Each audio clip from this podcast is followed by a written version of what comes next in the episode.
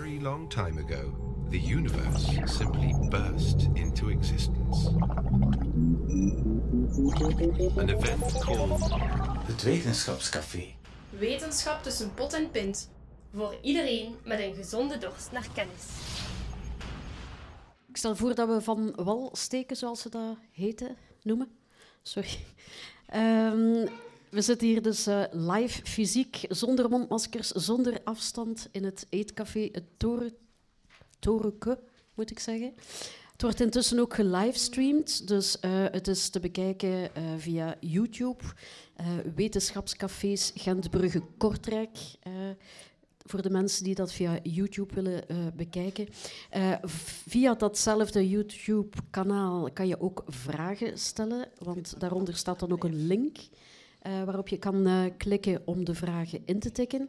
Nu, ik moet op voorhand zeggen, er zijn eh, vooraf al redelijk veel vragen binnengekomen. Er kunnen misschien ook nog vragen uit het publiek komen straks, als de dames het meeste verteld hebben.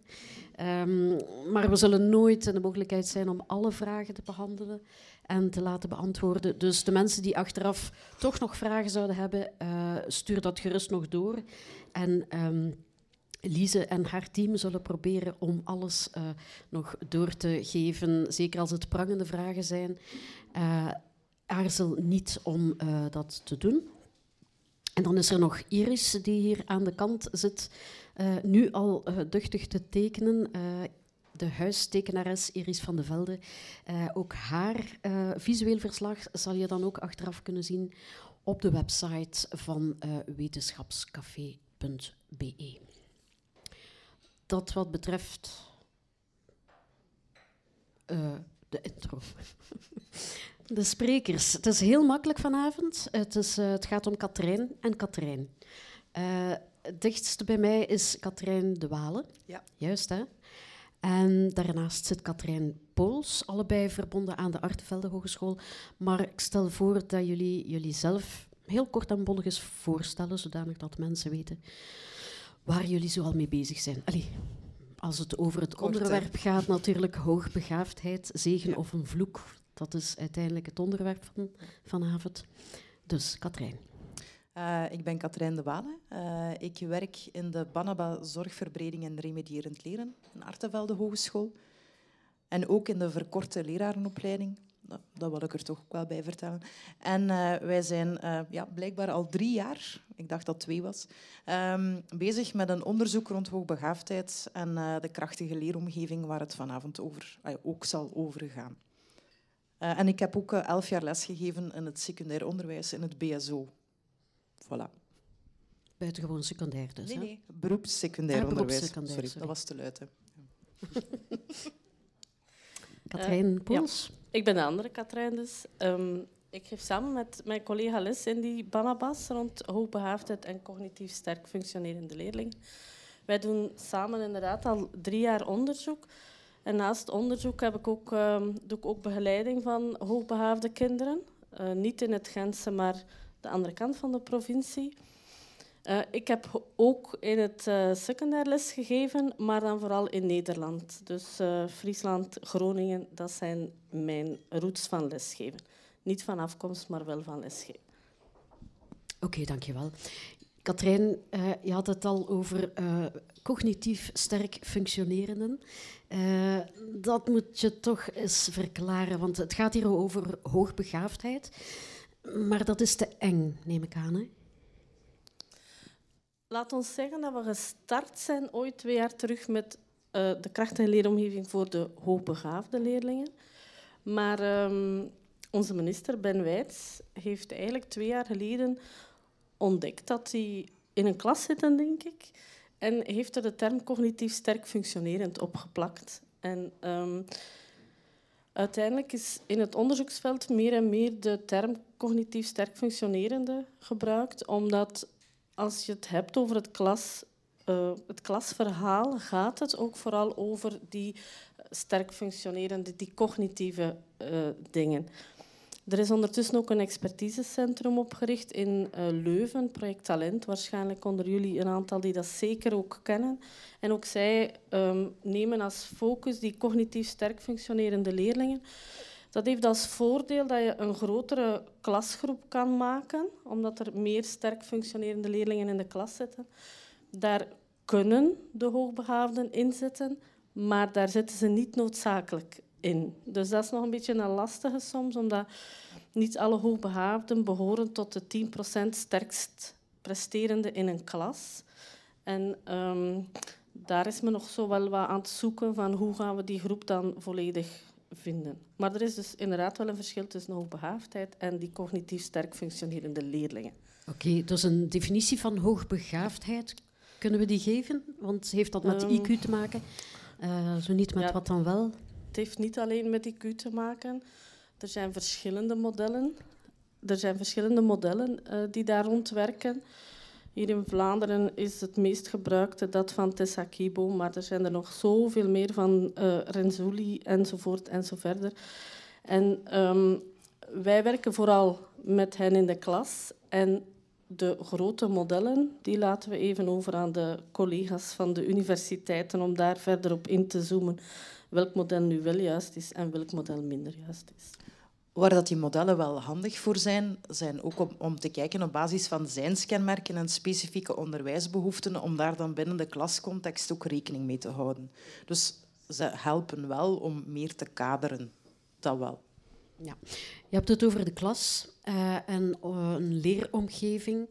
Dat kan alleen maar gecreëerd worden als er geweten is welke leerlingen die cognitief sterk functionerende leerlingen zijn.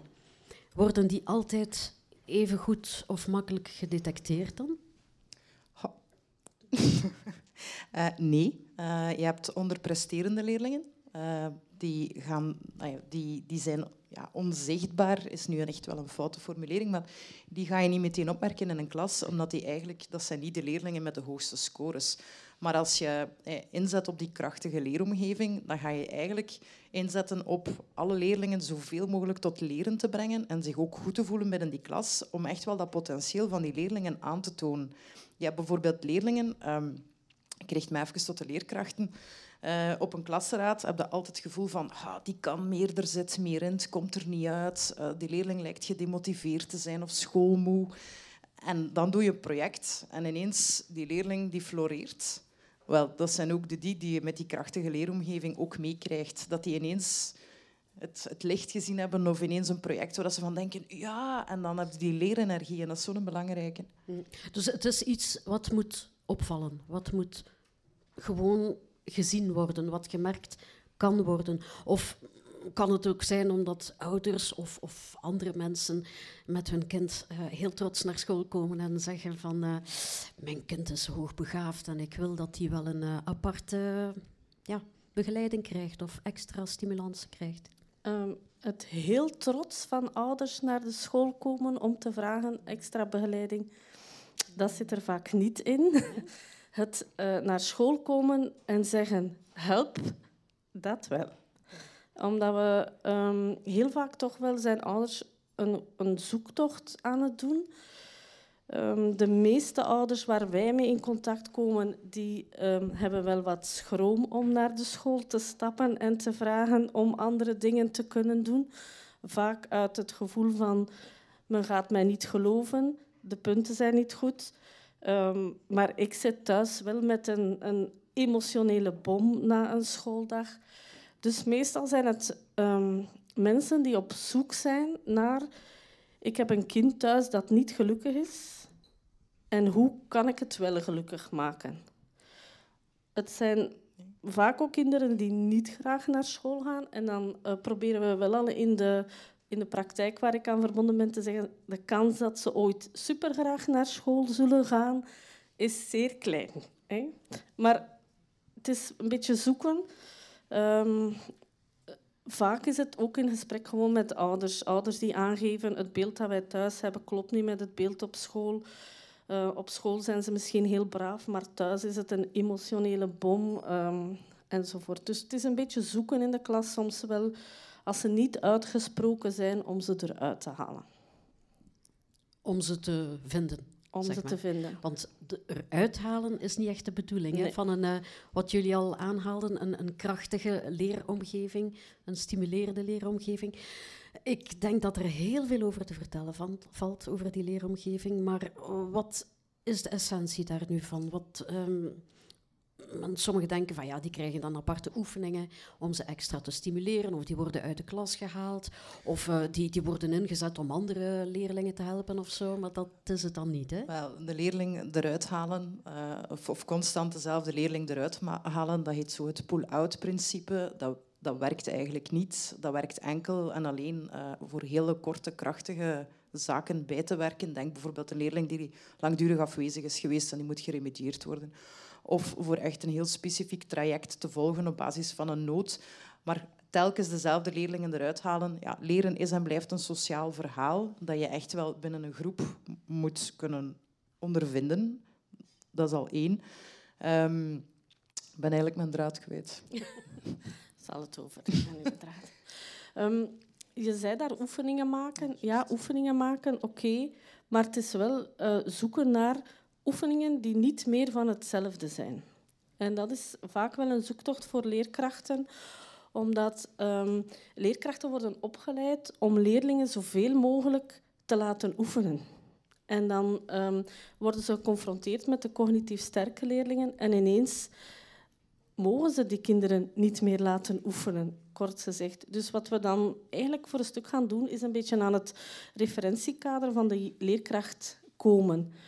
Ehm, en dat is ook voor een leerkracht een drempel om kinderen minder te laten oefenen. Omdat ehm, ja, we leren door te oefenen en laat nu net de cognitief sterke en zeker de hoogbegaafden maar weinig oefenkansen nodig hebben. Daar komt ook nog bijvoorbeeld bij van als je alle oefeningen gemaakt hebt, dan mag je de extra oefeningen maken. En welke leerling zit daar nu op te wachten om nog meer werk te krijgen nadat hij eigenlijk alles gedaan heeft? Dan ben je beter dat je zaken schrapt en dan iets anders in de plaats aanbiedt. Maar wat is dat andere dan? Wat is het alternatief? Wat, wat is dat nu, die, die leeromgeving die voor hen dan ook goed is of zou kunnen zijn? Dat is eigenlijk van alles. Eh, je kan eh, gewone oefeningen compacten en dan verrijkingsmateriaal aanbieden.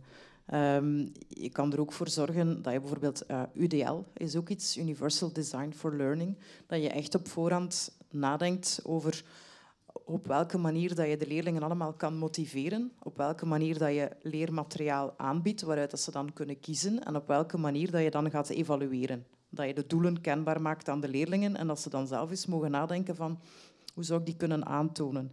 Ik deed dat ook in mijn BSO, dat gaat overal. Hè. Ehm, en ook inzetten op autonomie van leerlingen. Dat is zo belangrijk dat ze zelf mogen kiezen. Of kunnen kiezen. Niet dat je gaat zeggen van eh, die leerstof valt weg. Nee, die leerstof valt niet weg, maar de manier waarmee je, dat je er aan de slag gaat, dat is anders. Ik wil dat wel eventjes toch kaderen, want ik hoor jou zeggen kiezen. En ik weet er zeker dat er ondertussen zijn die zeggen ja, ja, alles, ze mogen maar kiezen en ze mogen maar kiezen. Nee, er kunnen dingen zijn die ze kunnen kiezen. Ehm, maar soms is een leerstof leerstof die je moet verwerven. En dan proberen we zeker met de tieners in gesprek te gaan van deze leerstof moet je verwerken, maar hoe wil jij ze verwerken? Dus ik wil gewoon dat jij dit onderwerp bestudeert, punt. En hoe ga jij dat doen? Welke bronnen wil je gebruiken? Daar heb jij dan de vrije keuze in. Maar je kan niet zomaar zeggen, en dat, dat staat wel heel vaak in heel veel literatuur, van ze mogen kiezen, maar dat, dat gaat niet in een klas. Je kan niet zomaar kiezen wat je, wat je doet. En dan hangt het er een beetje van af door um, te spelen met die autonomie.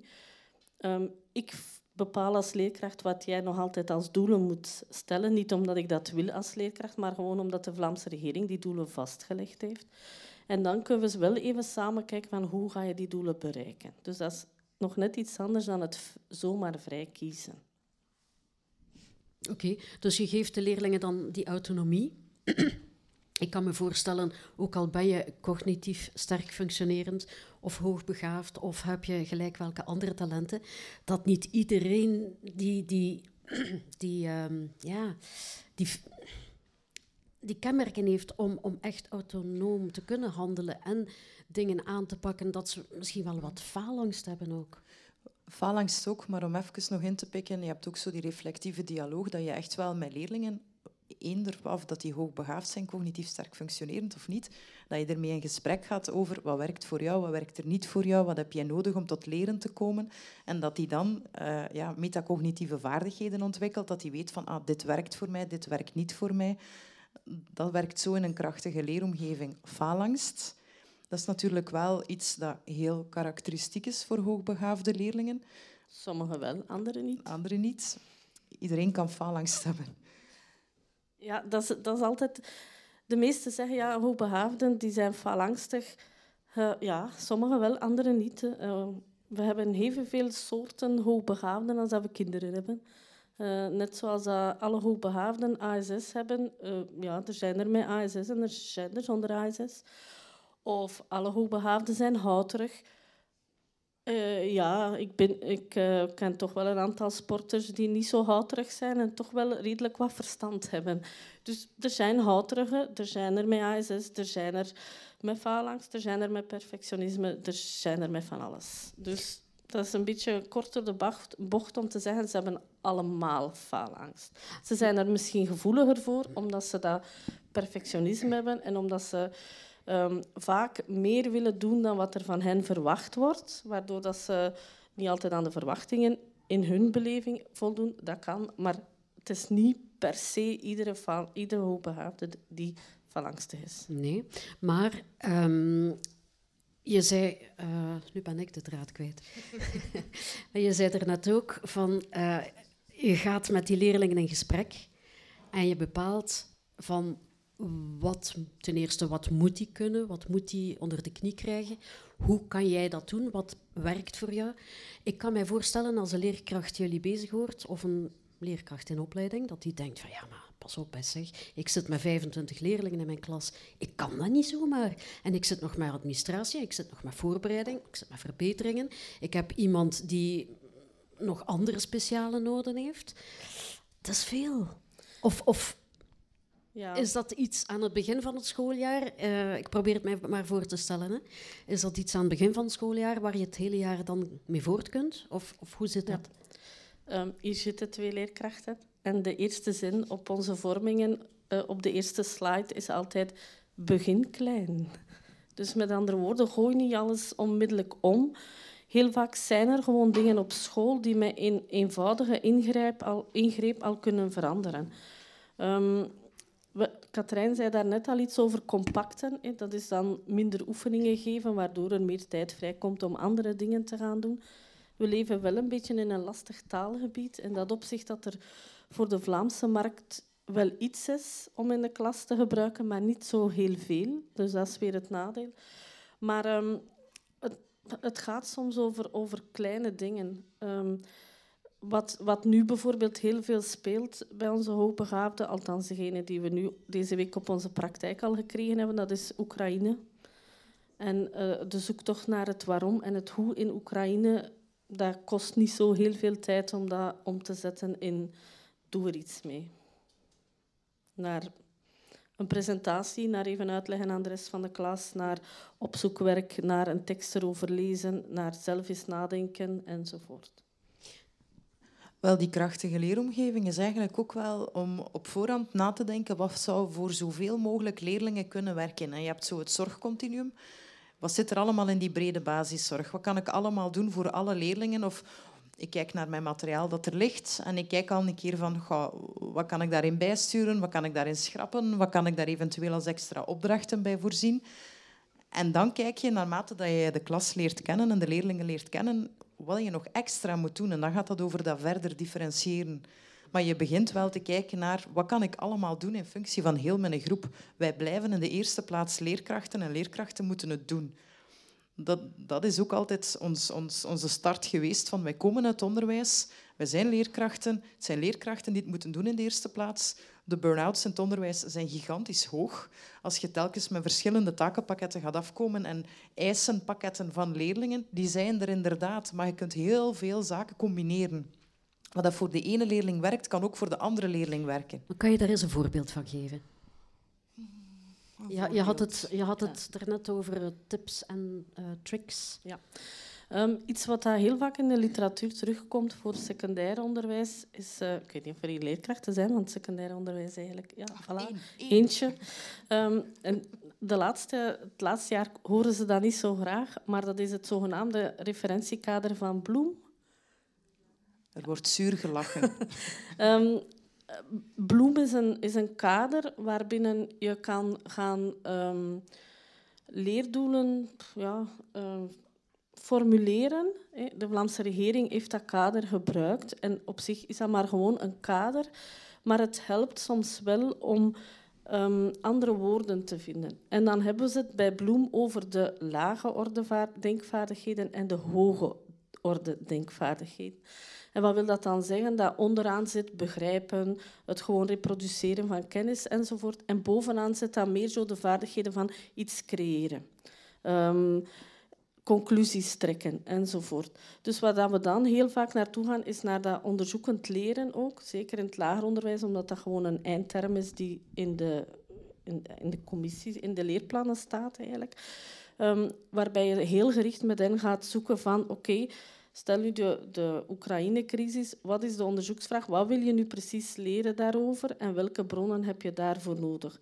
En op eigenlijk is dat één op één, vijf minuutjes soms maar werk, een keer dat ze in dat systeem zitten en dan kunnen ze vertrekken. Wat er ook heel vaak gebeurt, is dat ze oefeningen op voorhand krijgen, dus de uitleg van de nieuwe leerstof die gegeven wordt, en zij, de cognitief sterke, gaan dan aan de slag en krijgen dan een zogenaamd uh, verbeterboekje of nakijkboekje en ze mogen zelf de oefeningen nakijken. Um, dat klinkt heel leuk, omdat dat zeer autonoom is.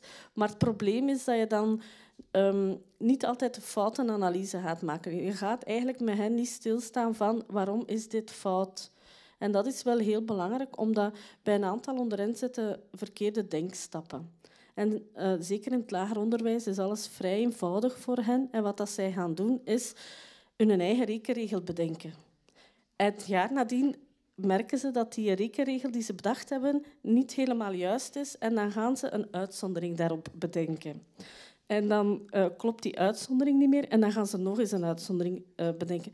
En dan krijgen we zo'n beetje het beeld van de Vlaamse koterij en één huis met verschillende kotjes eraan. En dan komen ze in het secundair onderwijs en dan redden ze het niet meer met hun, regel, met hun regel die zij in hun hoofd hadden en hun 700 uitzonderingen. En wat merken leerkrachten dan vaak in het derde en het vierde middelbaar? Dat ze de basis niet hebben. Terwijl als ze dat eigenlijk... Ja, ze hebben de basis wel in hun hoofd, want ze hebben hun eigen rekenregel bedacht die niet de juiste was. Vandaar dat dat zo belangrijk is dat je, als ze iets fout hebben, ook met hen heel bewust gaat nadenken over waarom maak je die fout en hoe ben je tot die fout gekomen. En wat we dan vaak aan leerkrachten zeggen, zeker in het lager onderwijs en ook die van de eerste, eerste graad secundair onderwijs, vragen is om bij wiskunde bijvoorbeeld drie verschillende uh, rekenregels op te schrijven. Dus dit is de opgave en los is op drie verschillende manieren op.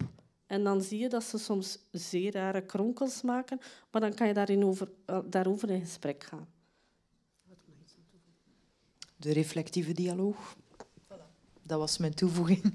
Dat is hoe dat heet met de leerling de foutenanalyse doorlopen en dan ook kijken van welke strategie heb jij hiervoor gebruikt. Omdat je dan veel meer inzicht krijgt in hoe zijn ze daartoe gekomen. En als we dan terugpikken op die faalangst, ze hebben schrik om fouten te maken. Of als ze zien van ik kan het nog niet, of ik kan het niet, denken ze vaak. Dan kan je zeggen, jawel, jij kan het wel, maar je hebt die redenering gebruikt en die redenering is niet juist. Maar het denkproces dat erachter zit, is daarom niet helemaal verkeerd. Mhm. En dat is een heel andere manier om te kijken naar fouten. En dat is die foutenanalyse. Dus niet gewoon, ah, dat is de verbetersleutel, verbeter nu je werk. Ah, je hebt acht op tien, flink. Nee, echt wel je moet, kijken. Je moet hen uh, echt hun hersenen goed laten gebruiken. Ze moeten kraken. Ja. Mijn, uh, mijn collega in mijn uh, praktijk, die vandaag ging kijken, dus ben benieuwd, die zegt heel vaak tegen de phalanxte hoogbegaafden, als ze zei van ik weet het niet, dan herstelt zij de vraag naar en wat zou je antwoorden moest je het wel weten. Waardoor je eigenlijk al een stuk de, de angst van wegneemt, omdat je aangeeft als leerkracht van ja, ik weet dat het fout gaat zijn, jij weet ook dat het fout is, dus antwoord maar. Dus ik, ik hoor haar dat heel vaak zeggen als tip aan een leerkracht van vraag is Wat zou je antwoorden mocht je het wel weten? En dan komt toch heel vaak het juiste antwoord eruit. Ja. Oké. En eh, je had het er net over de, de typische of clichématige eh, denkbeelden over mensen die hoogbegaafd zijn of ehm, cognitief sterk functionerend zijn. Is dat geen, ja, is dat geen probleem in een klas waar de diversiteit sowieso al groot is? Of worden die niet als zodanig benoemd of, of ja, behandeld in jullie optiek niet, maar, maar het, dat, die leeromgeving is er nog ver van overal niet, toch? Ehm, Ja? Die is er toch al op veel plekken wel, want wij merken wel heel vaak als wij voor Artevelde Academy nascholingen mogen geven, onder andere aan ja, onderwijsprofessionals. Eh, leerkrachten doen al heel veel. Eh, er is een zekere... Ja, ehm, We zijn te Vlaams. In dat opzicht, dat leerkrachten doen heel veel, maar ze benoemen het niet altijd. Als ik doe dat al, ja, ik doe dat. Ja, maar het is wel anders dan dat je normaal zou doen. Dus dat is wel nog eentje waar we soms wel tegenaan lopen. Er gebeurt heel veel, maar men benoemt het zo niet. Ehm, moest je is, mij dat die niet, is vraag... dat niet de bedoeling? Dat het gewoon uiteindelijk Ja, maar een manier je... van le- leer, eh, lesgeven is, Ja. waar je niet meer bij stilstaat, dat je het gewoon doet? Maar dat is echt iets van de laatste drie, vier jaar. Had je mij die vraag een, een jaar of vijf teruggesteld, dan had ik gezegd van ja, er is nog veel werk.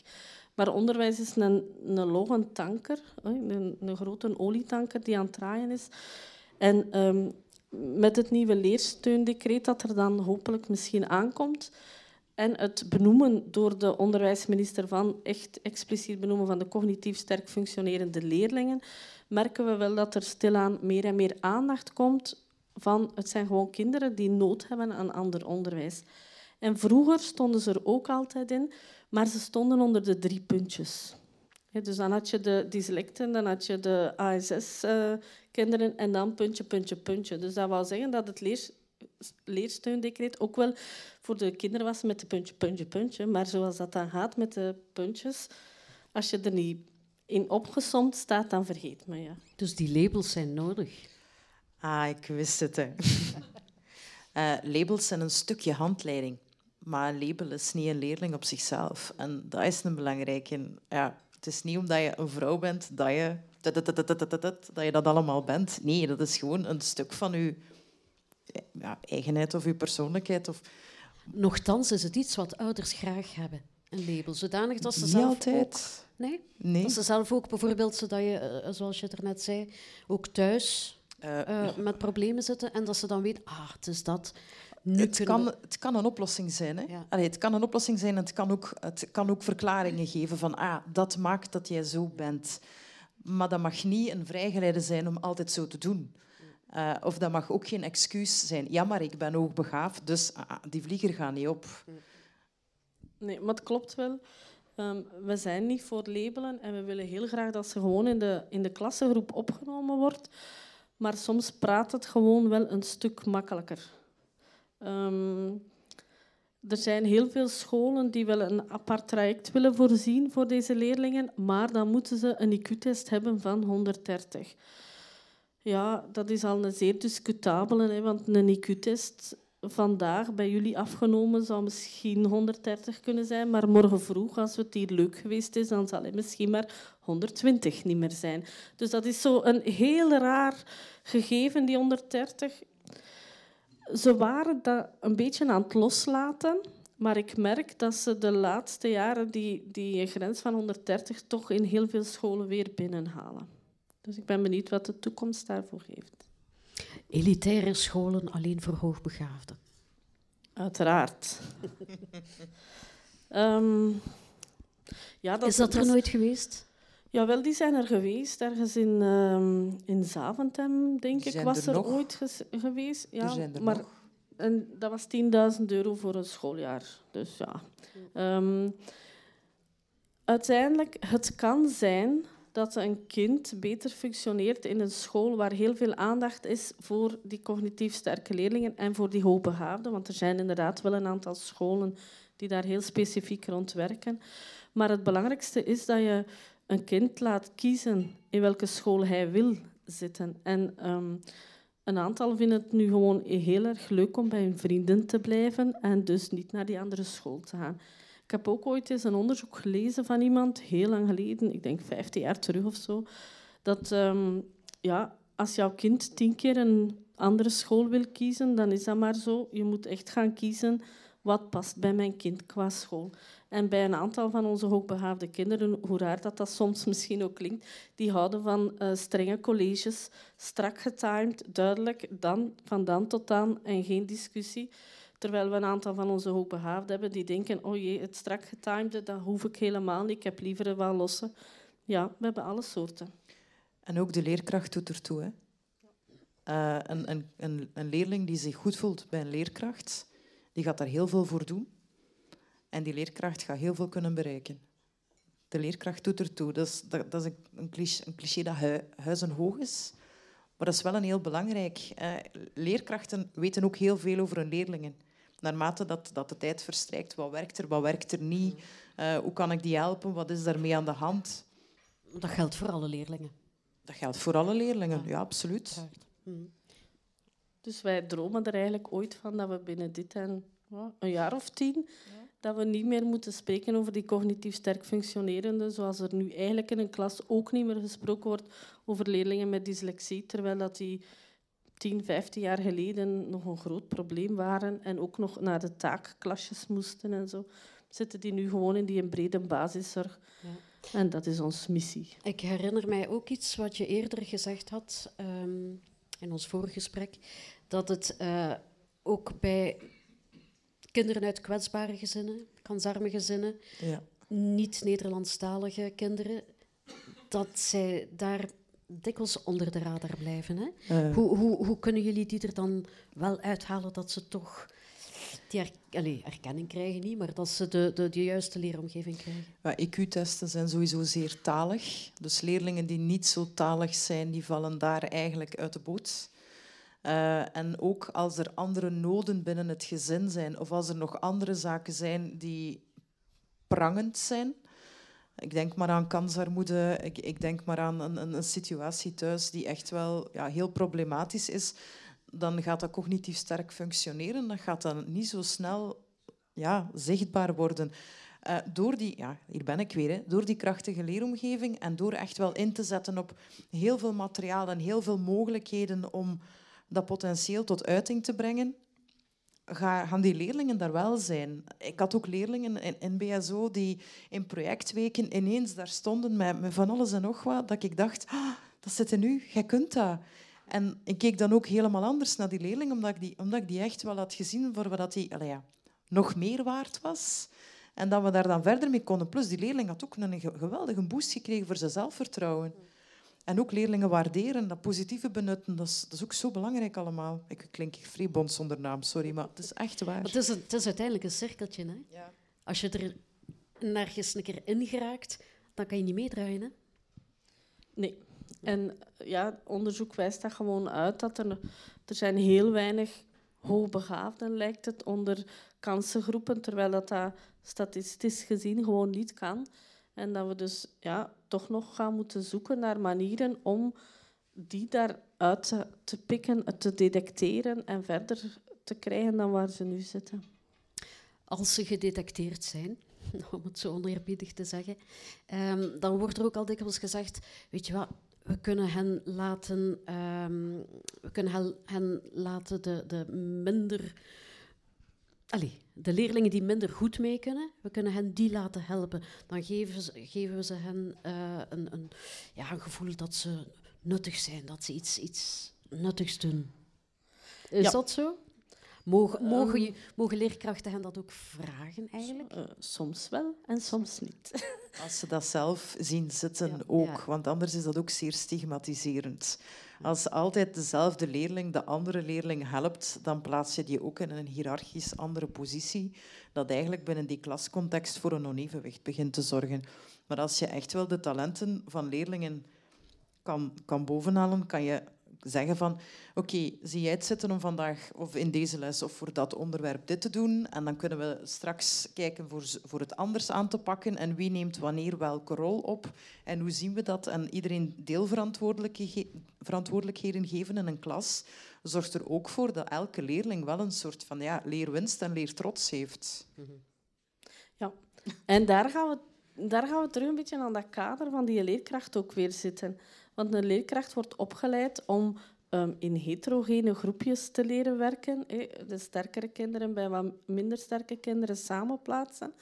Omdat um, gemiddeld genomen de um, minder sterke leerlingen daar leerwinst uit krijgen en de uh, gemiddeld genomen de andere leerlingen daar geen nadeel van ondervinden. Alleen blijkt dat bij hoogbegaafde leerlingen het uh, toch wel wenselijk is om af en toe ze in een soort, wat we dan noemen, homogene groep te zetten, zodanig dat ze ook voor een stuk leren samenwerken. Want wat is het lastige aan die heterogene groepen is dat um, als er ene cognitief sterke bij zit, dan um, gaat die heel het project naar zich toe trekken. Want die weet zeker dat al de rest volgt en die weet zeker dat iedereen zijn idee volgt. En dat is heel fijn als iedereen jouw idee volgt, maar zo zit de wereld helaas niet in elkaar. Dus vandaar dat we af en toe de homogene groep toch eens moeten maken met de cognitief sterke, omdat ze dan beginnen merken dat ook anderen een sterk verhaal hebben. En dan moeten ze leren um, water bij hun wijn doen en hun idee een beetje afgeven en de andere zijn idee een beetje toelaten. En um, waar wij leerkrachten voor waarschuwen dan, is dat de eerste drie projecten in zo'n homogene groep heel pittig zijn. Met redelijk wat ruzies, discussies enzovoort, omdat dat de eerste keer is dat ze dan geconfronteerd worden met ja, iemand die ook een sterk idee heeft en ook dat idee, dat idee perfect wil uitwerken. En dat is niet mijn idee. En dan, ja, dan krijg je wrijvingen. Um, zeker ook eigenlijk al van in de kleuterklas, als ze zelf mogen groepjes kiezen met wie ze samenwerken, dan gaan ze eerst denken, wat moet ik doen? En als ze weten wat ze moeten doen, dan gaan ze eigenlijk zelf kiezen van die kan ik daarbij hebben, die kan ik daarbij hebben, die niet, want die gaat mijn idee niet volgen, dus ik neem de die. En dat is echt iets waar, dat je moet, ja, waar dat ze een beetje kleuters, uit moeten. Kleuters. Ja, kleuters, ja. En dan krijg je verhalen van, van ouders die zeggen, ja, maar mijn kind kan helemaal niet tegen, tegen zijn verlies. En dan hoor je de kleuterjuf zeggen, oh, ik heb daar nog nooit iets over gezien. Uh, hier geen probleem. Tot wanneer we dan eens vragen aan de kleuterjuf van, of kleuterleraar, van, maak zelf eens een groepje met sterke leerlingen die eens een spel spelen. En dan zijn we waar we moeten zijn. En dan komen we in een leerfase voor hen. En dat is heel belangrijk. Alles wat we doen in die leerfase trekken. Maar ook de mix is de max. Het is belangrijk dat je varieert in die groepsamenstellingen. Heterogeen, homogeen, dat afwisselen. Maar dat is net hetzelfde als leerlingen met dezelfde interesses samenzetten of leerlingen te laten kiezen voor een bepaald project. Afwisseling in die groepsvormen, is, daar zit ook de sterkte in. Ik dacht dat ik het weer ging zeggen. Hè? Nee, ik ga... Dat wat ging... Uh, dat je... Ah, nee, nee, nee. Ik zat te denken, de mix is de max. Dat is dingetje om te onthouden, had ik nog niet gehoord. Dat is van onze collega Mieke Meerschout, dus niet van mij. Maar okay. bij deze... En zit hij hier? Nee, ze hier ah, niet. Nee, oké. Okay. Um, nu je over ouders spreekt, dan kleuterjuffen of in basis... Ik kan me ook voorstellen dat er ouders zijn die, die weten of denken dat hun kind cognitief sterk functioneert of hoogbegaafd is, dat die dan ook de vraag stellen van ja, maar die is toch voor op de andere kinderen laat die toch eens gewoon een jaartje overslaan. Hè. Zal meer uit, uitgedaagd worden, meer uh, goesting hebben om, om toch te werken, want het is moeilijker, zal meer moeten werken. Is dat een oplossing? De flexibele leerwegen. Ja. ja. Maar ik wil nog eventjes ertussen komen, want um, ik ken heel weinig ouders, tenzij ze hier natuurlijk zitten, dat kan, die zeer blij zijn dat hun kind een jaar moet opschuiven. Meestal is dat een heel proces dat gevolgd wordt.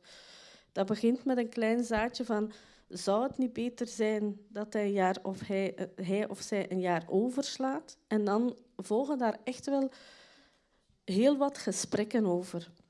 En het is niet zo dat die beslissing van vandaag op morgen valt. Omdat ehm, het lijkt alsof dat, dat voor ouders het summum is, een jaar verder doorschuiven.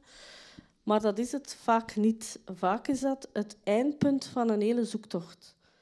Um, en als die leerling wordt een jaar doorgeschoven, dan is dat vaak iets dat um, leerkracht, CLB die erbij betrokken is, meestal ook nog een externe partner die die leerling dan begeleidt en ouders. Dus dat is niet zo evident om te zeggen van ik ga hem gewoon doorschuiven. Dus um, er zijn maar weinig ouders die uh, hoera, hoera kraaien voordat ze doorgeschoven zijn. En dikwijls wordt dat sociaal-emotionele wel meegenomen van ja, maar gaan we dat wel doen en gaat hij dat wel aankunnen en hoe zit dat dan met de socio-emotionele ontwikkeling? Sorry? Vriendjes. Vriendjes, ja, dat speelt ook allemaal mee en dat wordt ook allemaal meegenomen in dat, in dat beslissingsproces. Ja, vandaar, um, als we leerlingen doorschuiven, dan schuiven ze door na een vakantie. Dat is het meest gemakkelijke, omdat ze dan op vrijdagavond, zeker in de lagere school, waar het dan het vaakst gebeurt, op, vrijdagavond, op de vrijdag zeg maar, het afscheidsfeestje kunnen geven in de klas en dan de vakantie daarna kunnen starten in een nieuwe klas. Mm. Iets, ja, niet iets anders, maar iets dat erop aansluit. Uh, een vraag die vooraf was doorgestuurd van een ouder die zei van... Uh, ja, mijn zoon of dochter, ik weet het niet, um, die uh, fakte soms fouten. Die deed alsof die fouten maakte, om niet over te komen als die nerd of ja, die rare kwit of die slimmerik die die eigenlijk niet wou zijn, wou gewoon bij de groep horen. Is dat iets wat dikwijls voorkomt? Dat is een leerling die toch wel heel hard aangeeft dat hij heel graag bij zijn vrienden wil blijven.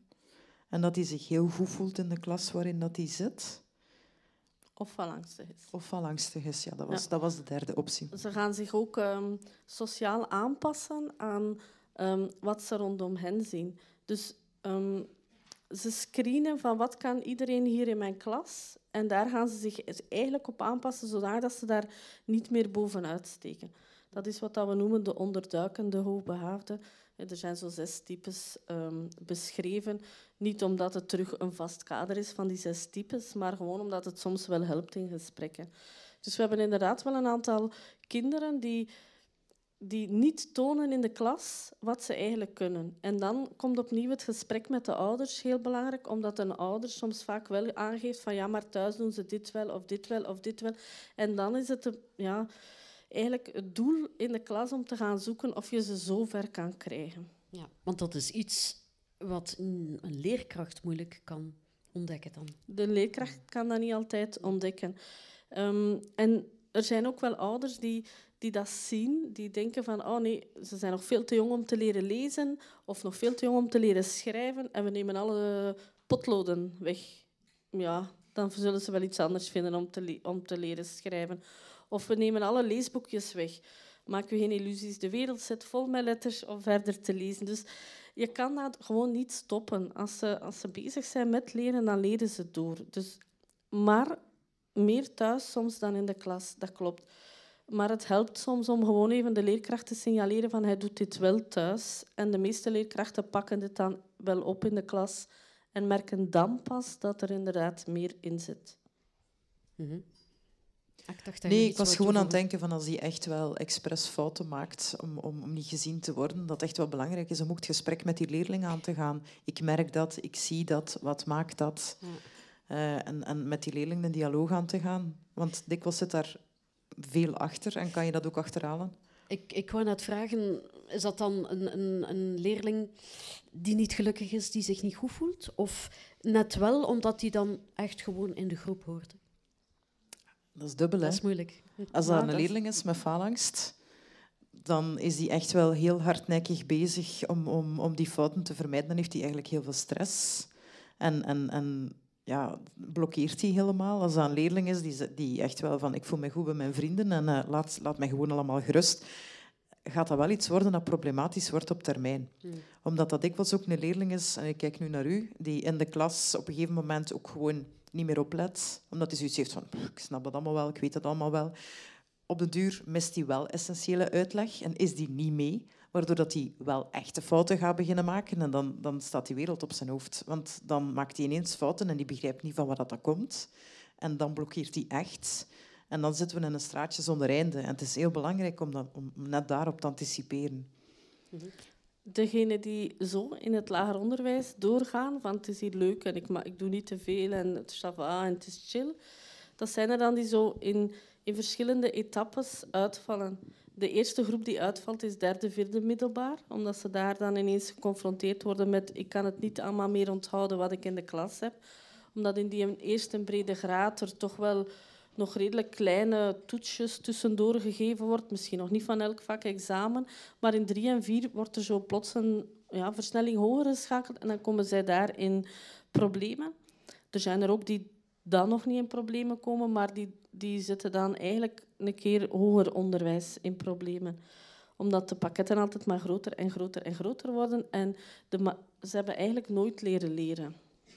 En er zijn er die ook gewoon in het hoger onderwijs doorstromen. En een aantal van hen blokkeert dat nog als volwassenen. Dat was ook een van de vragen die vooraf was uh, doorgegeven. Hè, van wat uh, doet dat met een, uh, iemand die nu volwassen is, aan het werk is, maar nooit die sterke leeromgeving gehad heeft vroeger, nooit echt die erkenning gekregen heeft waarop dan kon voortgewerkt worden. En die zich nu ergens ja, tussen twee werelden voelt en, en, en te goed voor het een en, en te slecht voor het ander en tussen niveaus zit waar het we hebben die vraag inderdaad vandaag besproken uh, onder ons twee. En dan ging het ook wel over ja, loopbaanbegeleiding is dan echt wel zeer dankbaar om echt wel te kijken van wie ben ik, waar wil ik naartoe. Um, cognitief sterk functionerenden zijn ook dikwijls ook mensen met een zeer grote leerhonger, nood aan afwisseling. Uh, daar kan dan uit die loopbaanbegeleiding dan bijvoorbeeld een, ja, een professionalisering of nog een opleiding uitkomen. Um, we zeggen dat ook wel vaak tegen de studenten. Je bent geen boom als je ergens bent waar je het niet leuk vindt en waar je je niet goed vindt. Kijk dan alsjeblieft rond naar wat de andere opties en andere mogelijkheden zijn. Ik weet dat dat niet zo evident is. Maar het is wel zo dat je kan laten begeleiden. Uh, er zijn wel heel veel middelen, maatschappelijk gezien, om loopbaanbegeleiding te kunnen volgen op een echt financieel aanvaardbare manier. Om daar dan in verder te kijken van ja, wie ben ik en, en waar kom ik het best tot mijn recht. Of bijvoorbeeld kijken naar welke hobby's dat kunnen werken. Mm um, en, en, daar een uitlaatklep in vinden. Uh, je hebt echt wel mensen die, die echt wel heel die vrede nemen in een, in een job die echt wel 9 to 5 is en, en, of, of, of geen voltijds job doen. En die daarnaast echt wel volledig in een, in een hobby zich kunnen uitleven en, en, en dat wel dat potentieel kunnen benutten. Het gaat over ja, wat heb je nodig en waar wil je in investeren, waar kan je in investeren. Maar daar heb je dikwijls ook wel ja, een vorm van begeleiding in nodig. Kijk nog even naar u, want we hebben, die, we hebben er lang over gediscussieerd vandaag. We hebben er lang over gepraat, inderdaad, omdat um, er zijn in Vlaanderen wel al een aantal spelers die bezig zijn met uh, volwassenen en hoogbegaafden, die ook wel bezig zijn met trajecten op te zetten van hoe kunnen we die mensen helpen. Maar um, het is wel nog een beetje een onontgonnen gebied. Dus uh, in dat opzicht, de lagere school... Het gat in de markt. Ja, het gat in de markt, samen met een hele grote zak geld die er niet zal zijn waarschijnlijk. Maar goed, um, de lagere scholen, daar moet ik zeggen, daar hebben we echt al een hele grote weg afgelegd. De laatste twee, drie jaar merken we ook dat die secundaire scholen wel volgen. Maar ja, de volwassenen, dat is echt... Uh, daar hebben we nog wel wat werk. Maar het is ook wel zo dat nu, allez, het komt meer onder de aandacht en meer mensen beginnen zich daar ook in te herkennen. Mm. En denken van, hé, maar dat ben ik. Of ik, ik heb ook op die dingen vastgelopen. Of oh, dat zou wel het een en het ander kunnen verklaren. En die beginnen dan ook op zoek te gaan en die vinden dan ook wel antwoorden. Soms kan een label ook rust brengen als je volwassen bent. Dat ik er nog aan toevoegen. Ja. En een aantal um, van onze kinderen op, op onze praktijk dan, um, die gaan met ons een traject. En na een paar weken hebben we heel vaak dat de ouders schoorvoetend ook binnenkomen en eigenlijk een spiegel krijgen. Ja. En er zijn er dan toch wel nog een aantal die ja, wel een beetje met zichzelf in de knoei komen soms. Ja. De ouders? De ouders. Okay. De ouders. Omdat ze er vallen, er vallen, doordat het kind begeleid wordt daarin, vallen er voor de ouders vaak ook puzzelstukken op zijn plaats. Ja. Van, ik ben daar ook op vastgelopen op school. Of ik herken wat dat hij mee worstelt. Ik heb dat ook. Ik heb dat nu nog. Ik heb daar nog last van. Of ik merk dat wij heel hard op dezelfde manier denken. Mhm. Of snel denken. Of ik merk dat mensen mij niet altijd kunnen volgen of mij niet begrijpen. Dat soort zaken. Mhm. Ehm, ik ga nu eens een hele rare vraag stellen. Maar toen, toen je zei van, eh, er zijn er dan die gewoon het werk dat ze hebben blijven voordoen, maar dan voluit kunnen gaan eh, met hun capaciteiten in hobby's.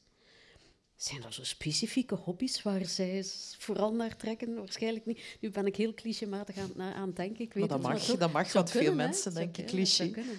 Nee. Nee. Eh, wij focussen ons, focussen ons wel in ons onderzoek op dat cognitieve, omdat dat binnen een schoolcontext zo hard aan bod komt of waar ze zo hard op vastlopen. Maar eh, hoogbegaafdheid kan zich op heel veel verschillende fronten uiten. Maar wij hebben gekozen binnen ons onderzoek omdat die cognitief sterk functionerende of die cognitief sterk, die lopen makkelijk vast binnen een schoolcontext. En ja, wat dat die dan in hun vrije tijd doen, of waar dat die dan in uitblinken, of welke studiekeuze dat die nadien gaan maken in eerder het artistiekere, zeg maar, bijvoorbeeld, dat is, dat is, een, dat is een heel andere ja, wereld. Maar wij kijken eerder van hier lopen ze vast, maar uiteraard, dat kan alles zijn. Ik wist dat Ja. het een domme vraag was. Maar er zijn geen er domme zijn geen vragen. domme vragen. Maar soms maken we er wel eens zo een sport van Ja. Om zo'n keer het eh, BV-landschap af te gaan of eh de sporterslandschap af te gaan. En om op basis van interviews zo onder elkaar zo af en toe wel eens te zeggen van... Ja hoor, Dat is er een. dat is er een. Zoals wie? Dat ga ik niet zeggen. Dat ga ik niet zeggen. Dat wil ik wel eens eh, los van een micro eh, zeggen en theorieën. Maar eh, ja, er zijn Los er daar van ook de wel. opname. Ja, maar dat is wel eens leuk om, om omdat ja, het is soms jammer dat daar te weinig ja, bekende Vlamingen, zal ik ze maar noemen, vooruitkomen, omdat ze zo mooie rolmodellen zouden kunnen zijn. En is dat nodig, ja? Dat is absoluut nodig. Ja. Denk aan de clichés van de nerd. Ja. Je hebt toch net iemand nodig die daarvan afwijkt of die net die stereotypen doorbreekt. Mhm. Je hebt dat toch soms echt gewoon nodig om iemand te zien dat je denkt, ah, het is oké. Jullie kennen er. Uiteraard. Ja, ik, ik ben er van een aantal vrij zeker. En ik vind het heel fijn dat die ook in, in hun eh, gesprekken heel vaak eh, hun fouten durven toegeven. Of niet zeggen van, ik ben daar zomaar geraakt. Maar ja, de, de, het, het luik cognitief sterk of hoogbegaafdheid komt er nooit bij. Mhm. En ik zou het eigenlijk wel eens tof vinden om, om met een aantal van hen in gesprek te gaan en te zeggen, kom aan, wees meter of Peter voor deze groep. Ja, absoluut. En ga je dat ook doen? Ik ken geen bekende Vlamingen. Ah, toch niet. Dus We gaan er werk van maken. Oké. Eh, ik heb nog één klein vraagje. Ik weet eigenlijk niet of ze hier op haar plaats is. Eh, dan kunnen we misschien overgaan naar eh, vragen van het publiek. Ik hoop dat er zijn. Ja. Dat is ehm, een, eh, de, een vraag van een ouder ook. Hè. Mijn kind is cognitief sterk hè, in eh, het lezen en rekenen en zo, maar heeft moeite met executieve functies. Jullie hebben die vraag gezien. Hij is eh, heel chaotisch, vergeet soms iets aan te trekken, s morgens wat ze wel moet aandoen of, of zo. Ehm, dus de doodgewone dingen.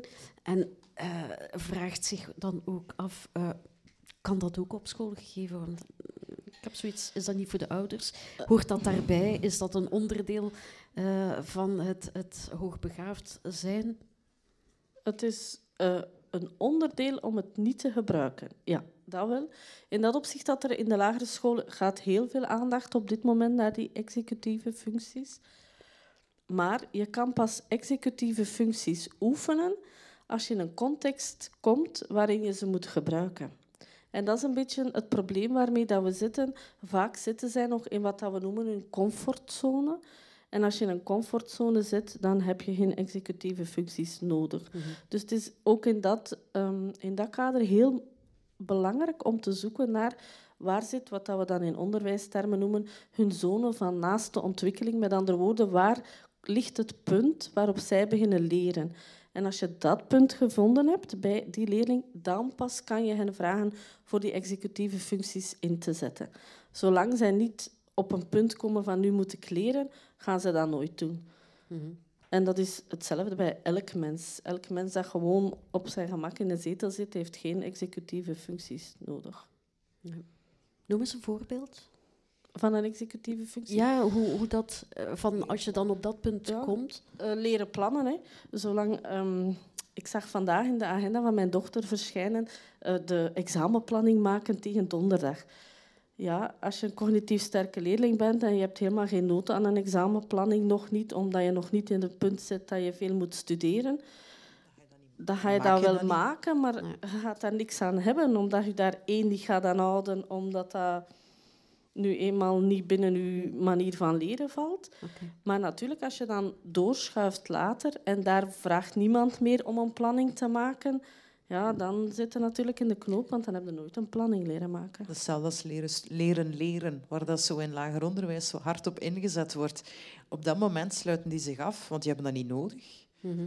Want ja, die, die kijken thuis en die weten alles nog wat dat op school verteld is. Ja, leren, wat is leren? Die kunnen ook niet uitleggen wat dat leren is. Nee, ja. Van hoe studeer jij? Maar gewoon, ja, gewoon. Dan krijg je dat gewoon. Ja.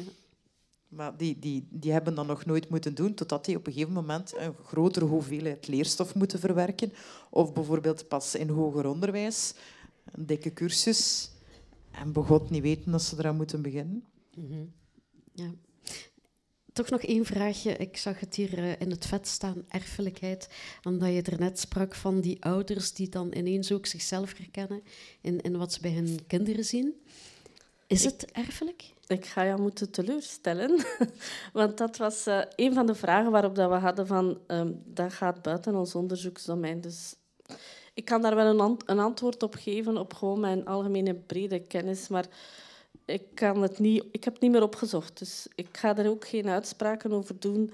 Ehm, ja. Er stonden een aantal vragen bij waar dat we zelf de bedenking bij hadden van we gaan daar echt wel niet een beetje... Allez, we- een beetje, nee. We gaan niet doen alsof dat we die kennis in pacht hebben, want we weten dat niet, want we hebben dat niet onderzocht. Als je het opzoekt, gewoon op internet, dan eh, lees je wel. Internet. internet dus, ja. Ja, het op het komt internet- van de moeder. Ja, het gaat heel breed hè, op internet. Het gaat over het is wel erfelijk tot het is niet erfelijk, tot het is 70% erfelijk, tot het is 80% erfelijk. Dus het is van de moeder, het is van de vader. Goh, het is Vrouwendag vandaag. Het is van, Het is de, van de moeder. moeder. Ik denk dat ook. Ik heb geen idee. De onderzoeken zijn daar ook niet, voor zover we er zicht op hebben, ook niet zo heel duidelijk over. Ja. Ik heb toch nog één klein vraagje. Het is een klein beetje persoonlijk ook. Ik heb een, een, een zoon ehm, ehm, met een laag IQ, mentale beperking. Die is naar de gewone school gegaan. Op het moment dat hij de school binnenkwam, kleuteronderwijs, heb ik voor alle ouders, voor de ouders van al de kinderen in zijn klas, een brief gemaakt om uit te leggen wat en hoe. Dat is niet besmettelijk, want hè, eh, ja, maar ja, zo Down-syndroom, dat is zichtbaar. Hè, en mm, kinderen doen daar raar tegenover. En, ik heb er ook bij gezet, ehm, de juf of de meester zal niet meer aandacht aan hem besteden dan aan jullie kinderen. Is dat iets wat nog van vandaag is? Want het is ondertussen al lang geleden. Is dat iets wat bijvoorbeeld bij kinderen met die cognitief sterk kun- functioneren Er zijn er zou kunnen? Is dat een, een, een mogelijkheid om dat, ja, om dat minder, minder ja, raar te maken in de klas voor de andere Het kinderen? wordt wel nog heel vaak gezien als een luxe probleem. Ik kijk nu heel speciaal naar jou. Ja, ja, Hoe bedoel je luxe luxe probleem? Gaat u toch niet druk maken over het feit dat uw kind slim is? Wat is het probleem?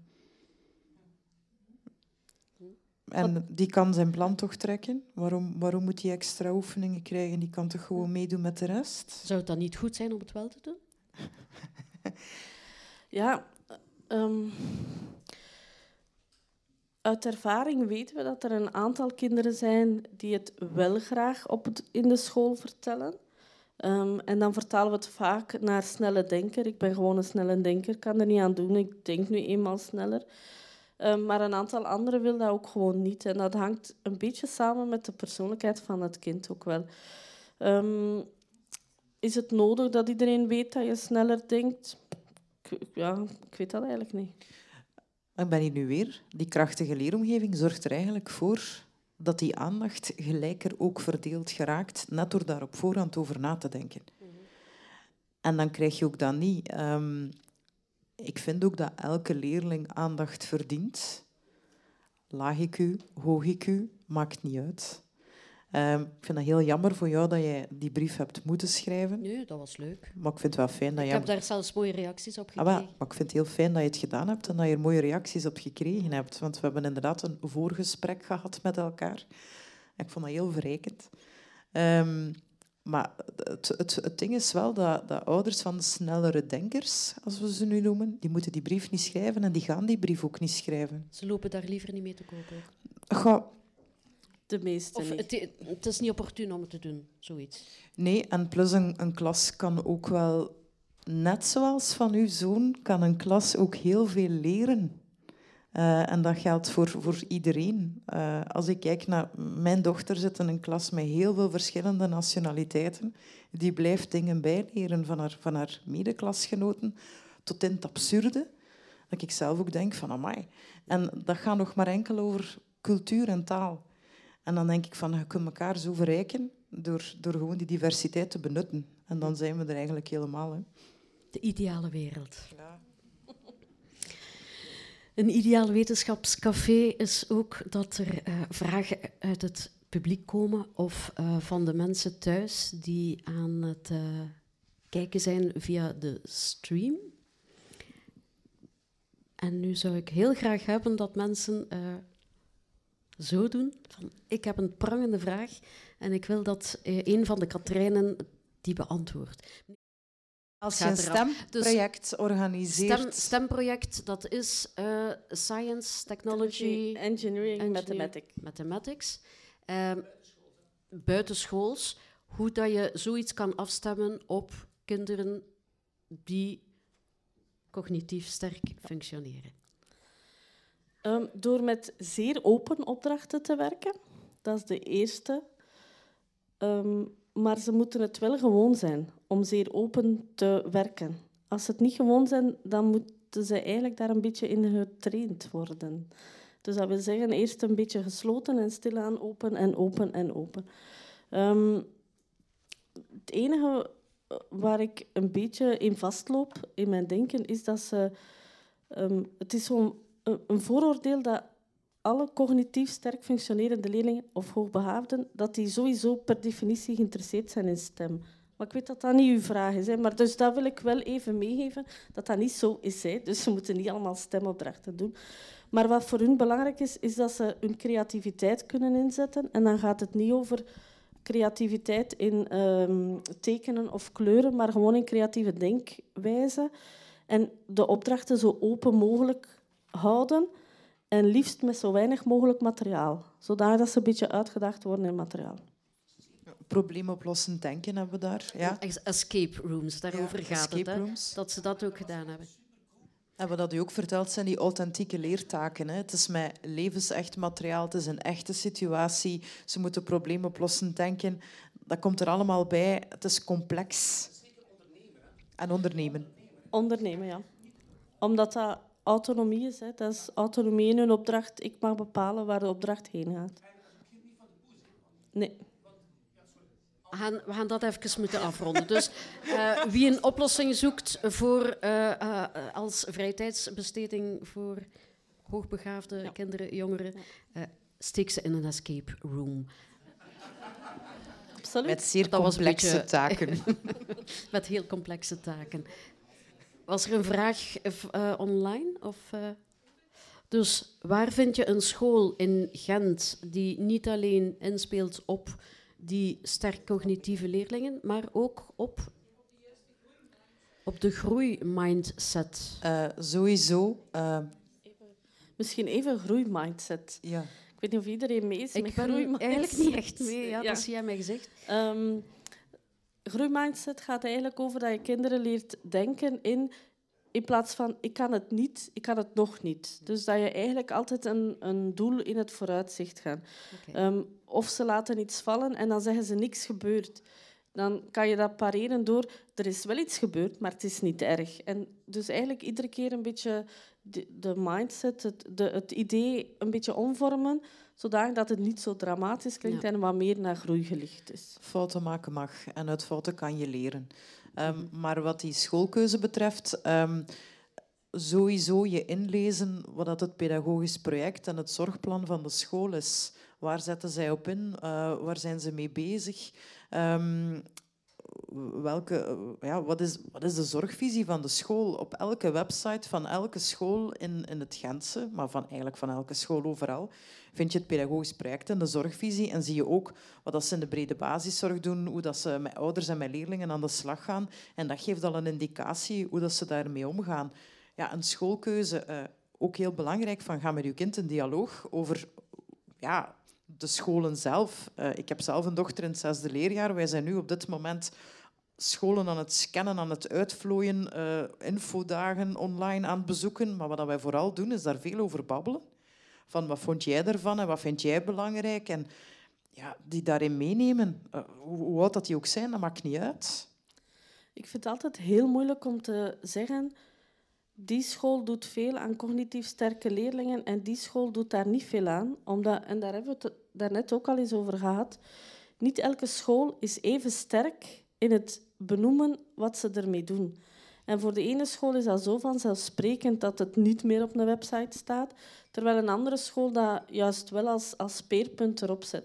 Dus dat is een hele moeilijke om op basis van gewoon informatie van websites te zeggen die school werkt daar wel aan en die school werkt daar niet aan. Dat is één. En twee, ik heb het ook al, vandaag ook al eens gezegd, je moet altijd een school zoeken die bij je kind past. En sommige hoogbegaafden hebben nu eenmaal heel veel nood aan structuur en zitten beter in een gestructureerdere school, die misschien net iets minder aandacht heeft voor extra oefeningen en extra taken, maar die wel die structuur kan bieden, waar dan het kind op dat moment meer nood aan heeft. En terwijl een andere school misschien meer inderdaad andere opdrachten voorziet, maar wat losser is in structuur en dat dan minder bij je kind past. Dus dat is altijd een hele lastige om te zeggen. Maar we krijgen die, ik woon dan niet in, in Gent, maar ik krijg die vraag ook wel heel vaak op de praktijk. Welke school is hier in de buurt de beste? Ja, ik kan daar niks van zeggen. Maar er kwam ook nog bij van en, en eh, welke ondersteuning kan ik buiten de school vinden? Eh, CLB eh, is echt wel uw startpunt nog altijd. En die kunnen u ook wel verder doorverwijzen. Dan heb je natuurlijk ook ehm, expertisecentra, die echt wel ja, gefocust zijn op hoogbegaafdheid. Die kan je altijd contacteren. Dat is wel altijd met een prijskaartje. Ja. Een stevig prijskaartje. Dat is toch een beetje elitair. Ja, soms, is de, ja, soms is, zijn die onderzoekers, die onderzoeken die moeten afgenomen worden, gewoon heel duur.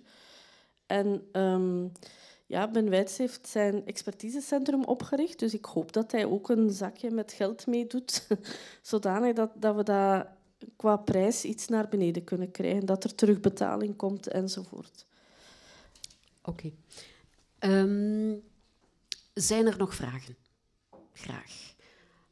Eh vrouw ginder rechts achteraan? Ah ja. Ja, het is Vrouwendag. Eerst een vrouw. ja, met drie vrouwen op het podium mag je zoiets wel verwachten. Hè? De Wordt vraag, het zijnsluik voldoende meegenomen in functie van ja. hoogbegaafde leerlingen met de bezorgdheid van ik ga heel mijn leven anders zijn of de zaken anders bekijken en mij anders voelen? Ja, Ehm, dat wordt zeker meegenomen, omdat we hebben het hier daarnet even gehad over andere oefeningen maken. Dat is natuurlijk maar één luik hè, van die krachtige leeromgeving. Daarnaast moet je inderdaad ook gaan werken naar bijvoorbeeld eh, fouten maken mag, ehm faalangst onder controle houden. Maar ook wat we heel vaak met leerkrachten doen, is met hen in gesprek gaan en zeggen: ehm, je kan een opdracht geven en de hoogbegaafde gaat die vertalen naar ik moet hem zo maken, maar dat klopt niet altijd. En dan moet je echt het gesprek ook aangaan van laten, la, laten gelijk leggen, noemen we dat dan. Ik verwacht van jou dit, jij verwacht van mij dat. Dus dat doen we eigenlijk wel heel vaak. Dus we hebben hier alleen vandaag over de oefeningen gesproken, maar er zit natuurlijk wel nog een heel gamma eh, daarnaast. Ehm, wat dat betreft is er wel veel materiaal, gelukkig, op de markt. Hè. Dus er zijn heel veel boekjes die we in kleuterklassen en lagere scholen kunnen gebruiken om daar in de klas eigenlijk inderdaad het gesprek over te gaan, aan te gaan. Ja. We merken ook ehm, dat ook heel veel uh, zorgcoördinatoren en leerlingbegeleiders net in functie van dat zijnsluik echt wel vragen van geef ons tools en tips en tricks om ons schoolteam daarin mee te nemen. Dus dat leeft ook wel. Dus mede door dat leersteundecreet dat eh, de hoogbegaafden meegenomen in die cognitief sterk functionerende leerlingen, dat die onder de aandacht komen, dat er ook binnen de scholen zelf aandacht komt naar designskenmerken en hoe daarop inspelen. Dus bijvoorbeeld zo, um, stel dat er een, een, een, een, moet gewerkt worden rond growth mindset, dan kan er bijvoorbeeld uh, over alle leerjaren heen een, een, projectgroepje worden opgestart dat zoveel middagen samenkomt en dat dan daar rond werkt.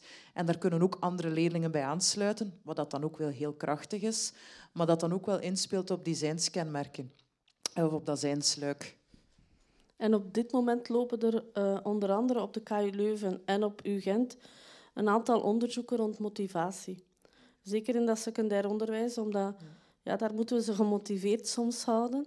En daar zijn zij nu zeer hard op aan het werken. Dus er is een soort van um, traject gemaakt, waarbij dat zij nu kijken wat is eigenlijk de impact van dat traject rond motivatie voor deze jongeren. En ik denk dat we daar normaal gezien volgend academiejaar de eerste resultaten zeker van mogen verwachten. Dat zit ergens in de, in de, in de groep van Maarten van Steenkisten, die ook zo heel erg bezig is met motivatie. Dus die zitten daar. Dat is degene van het ABC-model, autonomie, betrokkenheid, competentie. Wat dat eigenlijk ook voor hoogbegaafde leerlingen zeer goed werkt om daar rond te werken. Van ja, wat wil ik, wat kan ik en waar voel ik mij goed bij? Omgekeerd, die twee laatste. Dus er, het is een stijgende lijn, die aandacht. Dat kan ik u wel al zeggen. Kan het nog beter? Absoluut. Hè. Maar het is net hetzelfde als wat Katrijn daarnet zei. Van, ja, wij zouden eigenlijk ook graag hebben dat men niet meer ervan opkijkt dat er een hoogbegaafde leerling in de klas zit. En net zoals met dyslexie, dat we kijken van, ah, werk jij graag met sprint? Of wat werkt voor jou? En dat dat eigenlijk heel snel geregeld is en dat dat binnen die brede basiszorg van een school zit. En ik heb het gevoel dat we daar wel naartoe gaan gaan. Nu ben ik een heel bode uitspraak aan het doen, maar is dat een voldoende antwoord op uw vraag? Enigszins, ja. Ja, meneer. De, de heer die daarnet, die daarnet straal genegeerd werd. Sorry. Oké, okay. even kort uh, luider uh, samenvatten. Dat was een makkelijke vraag. Um, dus uh, het gaat heel veel over uh, uh, kennis en kunde en hoe zit het met het geluk van die kinderen die cognitief sterk functioneren. wordt dat in het oog gehouden? Geven ze dat ook aan, bijvoorbeeld? Van, ik voel mij niet goed in mijn vel. De meesten geven het wel aan. Maar het geluk van het kind, um, daar hebben we het impliciet wel al een paar keer over gehad. Dat is bijvoorbeeld ook de schoolkeuze het kind moet zich gelukkig voelen op school, in whatever welke school dat, dat dan ook is. Um, nu, het voordeel is dat als het een gelukkige hoogbegaafde is, dat we die weinig zien. Um, de meeste die we zien op de praktijk zijn niet te gelukkig. Maar je hebt gelukkige mensen, je hebt gelukkige hoogbegaafden, je hebt er die door het leven echt wel fietsen en een een aantal van die voorbeelden komen dan wel in de media hoor. Uh, negen jaar en professor of, of uh, zestien jaar de jongste piloot enzovoort. Dus dat geluk dat speelt wel altijd mee. Maar um, ja, degenen die wij zien op de praktijk zijn meestal niet gelukkig en dan, oh, of minder gelukkig. En dan moet je daar inderdaad wel aan werken. Maar ik heb wel het gevoel dat daar in de scholen meer en meer aandacht ook naar komt. Hoor. Misschien is dat door corona weer wel wat ondergesneeuwd, maar daarvoor was dat zeker wel zo. En een gelukkig kind is het belangrijkste. Vandaar ook dat wij werken op die krachtige leeromgeving. Omdat dat voor een stuk wel weerspiegelt in een krachtige leeromgeving, is dus ook gelukkig zijn. En als je goed in je vel zit, dan kom je tot leren. Is dat uh, afdoende van antwoord? Nee, het is niet genoeg. Nee, ja. Maar dat is bij, bij alle mensen zo natuurlijk. Hè? Zijn er die gelukkiger zijn dan andere mensen. Spelen heel veel factoren een rol. We zijn in onze praktijk met drie en we hebben elk onze specialiteit. Ik ben degene die de vorming geeft. Mijn ene collega geeft gewoon de mindset trainingen en voor een aantal kinderen is dat voldoende. En een aantal loopt nog vast en die gaan dan bij de psychotherapeut. Dat is de derde binnen ons team. En ja, dat is heel hard zoeken soms. Um, en worden ze allemaal gelukkig die we de afgelopen jaren gehad hebben? Nee, ze zijn niet allemaal gelukkig geworden. Maar ja, niet elk mens wordt altijd gelukkig. Dus het is een beetje... Ja. Die krachtige leeromgeving, die is er eigenlijk wel gekomen vanuit het idee dat leren en welbevinden eigenlijk correleren met elkaar. Chris van den Brande spreekt over eh, positieve leerenergie. Uh, dat is een hele belangrijke, want als een leerling tot leren komt, dan is die content. En een contente leerling gaat makkelijker tot leren komen. Dus daar ook op inzetten. En dan ook wel kijken van wat, wat doe je graag? Niet op basis van eliminatie van wat je niet graag doet, moet je van ons niet doen. Dat hebben we al benadrukt. Maar dan eerder op van op welke manier leer je graag? Wat zijn topics die jou interesseren? Uh, wat zou een project zijn dat, kun, dat kan werken binnen de klas, waarin dat jij ook van alles kan doen. En dan ga je die leerling ook betrekken. Dat ABC-model speelt daar ook op in. Als een leerling autonomie krijgt, als een leerling betrokken is en zich goed voelt sociaal in die klas, en als een leerling die competenties tot leren komt, dan is de kans dat die leerling zich goed voelt al een pak groter.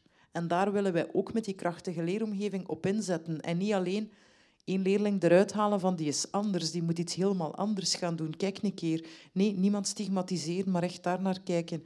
Maar ja, dat is ook zeer ja, een uniek verhaal, welbevinden. Dus ja, ik, ik vind dat even belangrijk als de reden waarom dat je er net ging rechtstaan. Maar het blijft wel een lastige vraag vinden, omdat... Um, vraag mij gewoon af, wat is geluk? Allee, in dat opzicht van, wat wil, naar wat wil je peilen als je vraagt van, zijn ze gelukkig? Als, als je mij vraagt, ben ik de expert in gelukkig zijn en wat dat, dat dan is, gelukkig zijn? Nee, dat ben ik, ook, dat ben ik niet. Maar proberen we wel ervoor te zorgen dat de kinderen zich goed voelen in hun klas en daar de leerkrachten tips en tricks voor geven, ja, dat proberen we wel. Maar misschien op een andere manier dan mensen die... Mm, misschien wel. Ik weet het niet. Het zou kunnen. Ja. Vanuit, vanuit wat? Een kennismodel. Een kennismodel. kennismodel. Kan, ja. Ja. Ik ga het kort samenvatten. Uh, dus mevrouw zegt van uh, welbevinden of geluk hangt ook samen met het kunnen maken van vrienden. Uh, en die vind je al dikwijls eens bij diegenen die een beetje...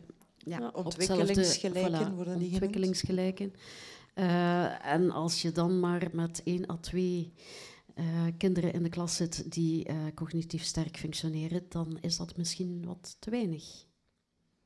Ja, maar daar, daarom hebben ze soms die kangaroo-klassen. Maar ik weet niet of ik het helemaal eens ben met het feit dat... Maar misschien parafraseer ik het verkeerd, dat een hoogbehaafd kind alleen maar vrienden kan maken met ontwikkelingsgelijken. Want dat, dat is natuurlijk ook niet zo. Um, we hebben er een aantal die we niet zien in de praktijk, maar die wel bij ons naar de plusgroepen komen. En die hebben massa's vrienden in hun klas. Dus ik vind het een hele moeilijke vraag, omdat ik niet goed weet... Wat, moeten ze is het verstandig om ze in een klas soms samen, of over een hele school soms eens samen te zetten als ze met niet veel zijn? Ja, dat denk ik wel dat dat iets kan, ja. Absoluut. Maar moet het daarom wekelijks zijn? Dat kan, maar eigenlijk... En dan verwijzen we zo wat meer naar de kangaroo-klassen en de plusklassen. Op zich is dat een goed initiatief, maar het lastige aan zo'n kangaroo en een plusklas in de lagere school is dat dat beperkt is tot een uur of twee uur in de week. En dat eigenlijk het onderwijs in de klas niet aangepast is. In dat opzicht zou uw kangaroo-klas moeten de kers op de taart zijn, namelijk eerst alle aanpassingen in de klas, waardoor dat ze zich in de klas goed voelen, en dan naar die kangaroo-klas. Dus het is een beetje een lastige. Hebben ze een kangaroo-klas nodig om vrienden te maken, omdat ze dan allemaal bij de cognitief sterke zijn? Hmm, ik weet het niet. Sommigen wel, anderen niet. Ja, ik vind, ik vind het een moeilijke vraag, omdat dat natuurlijk buiten ons onderzoek een beetje is. Hè. Dat is meer wat ik merk in de praktijk. En we hebben hoogbehaafden die daar, uh, ja, die vrienden, die de hele klas vrienden hebben, die in de stad rondlopen en iedereen kennen. Ja. is misschien een supersociale hoogbegaafde, zoals dat je supersociale kinderen hebt. Ja, dat kan ook. Maar er zijn er ook evengoed inderdaad die moeite hebben om vrienden te maken hè, in hun klas, omdat ze geen aansluiting vinden in gesprekken. En, ja, als je in het tweede leerjaar zit en je stelt vast dat uh, Trump en Kim Jong-un ruzie hebben en je wilt daar met iemand over praten in het tweede leerjaar, dat gaat een moeilijke worden. Dat klopt dan, ja. Ja, dat is, dat is gewoon zo. Maar om het te zeggen, het is altijd zo dat... Ja, het is een hele lastige, omdat er een grote groep diverse kinderen is. Dat wel. Het is daarom dat er ook vaak wordt ingezet op hobby's. Uh, we hebben ook een Amerikaanse studie gelezen en daar hebben ze heel veel extracurricular activities die op de school al doorgaan. Hier staat dat nog ja, in zijn kinderschoenen of gaat, zit dat gewoon niet in onze schoolcultuur. Soms wel met brede school, dat er zo'n project komt of dat er iets kan gevolgd worden aansluitend. Um, maar dan zijn daar de hobby's heel belangrijk. Van een extra uitlaatklep um, die gewoon niet door de school kan ingevuld worden zonder verwijten. Hè. School kan niet alles. En als iemand echt wel een, een, echt niche-interesse heeft, dan kan je kijken van, ja, kan ik jou op een, op een stemkamp sturen, dat je een keer volledig kan, kan losgaan. Of ah, ben jij meer voor uh, een, een, een, woordopleiding en wil je toneel gaan volgen? Ja, sommige dingen kunnen nu eenmaal niet op school. En dan zit je inderdaad weer wel met ouders kunnen die dat kunnen die dat betalen, kunnen die dat regelen. Gelukkig is er, ik spreek nu vanuit Gent, brede school, kansen, passen, tarieven die mogelijk zijn. Maar dat zijn allemaal mogelijkheden om kinderen echt wel talenten te laten exploreren op allemaal verschillende manieren, waar dat ze soms wel net dat geluk vinden of die ontwikkelingsgelijken of iemand met, de, gelijkgestemde interesses. En, en dat. Je hebt ook niet hoogbegaafde kinderen die zich niet goed voelen in een klas. Wij hebben trouwens wel elke zomer een uh, kamp voor, voor hoogbegaafden. Een hele voormiddag, omdat een dag uh, te intensief is voor hen. En daar gaan we, komen we eigenlijk los van al het cognitieve en doen we volledig het zijnsluik. Um, en dat hebben we wel inderdaad in juli een week voor de basisschoolkinderen. En in uh, augustus, drie of vier dagen, ben ik het even kwijt, want dat doe ik niet mee, voor de tieners. En dan komen we wel volledig los van het cognitieve en gaat alleen maar over het zijnsluik. Ja. Ja, er is nog een uh, afstandsvraag. Oké. Eh, dus een uh, ouder van, die bezorgd is over het kind van acht jaar dat liever speelt met kinderen die een paar jaar ouder zijn, omdat hij daar meer aansluiting bij vindt. Maar dat die oudere kinderen dat hoogbegaafd kind dan ook niet echt helemaal uh, begrijpen of, of mee zijn of dezelfde interesses. Uh, hoe ga je daarmee om? Wat, wat moet je doen om zo'n kind tevreden te stellen? Of ervoor te zorgen dat hij zich beter voelt of ergens beter aansluiting bij voelt. Ja, dat het gaat weer over het, uh, het welbevinden dan uiteindelijk. Het gaat toch, over het welbevinden en vaak zit daar ook um, een vorm van, van, van het uh, ja, phalanxig zijn, niet helemaal, maar die, die klas die moet ook wel accepteren dat die jongeren daarin zit. En vaak is dat ja, een taak die wel weggelegd is voor klasleraren om daarop in te zetten. Maar dat is, ja, dat is een hele moeilijke. Ja, helaas heb ik voor hoogbegaafdheid geen een bijbel die je kunt lezen, die je kunt volgen en toveroplossingen eruit kunt halen. Er zijn kinderen die daar zeer uh, gemakkelijk mee omgaan. In dat opzicht dat die bij drie jaar oudere kinderen zitten en daar totaal geen last van hebben en daar ook worden bij, hun aansluiting bij vinden.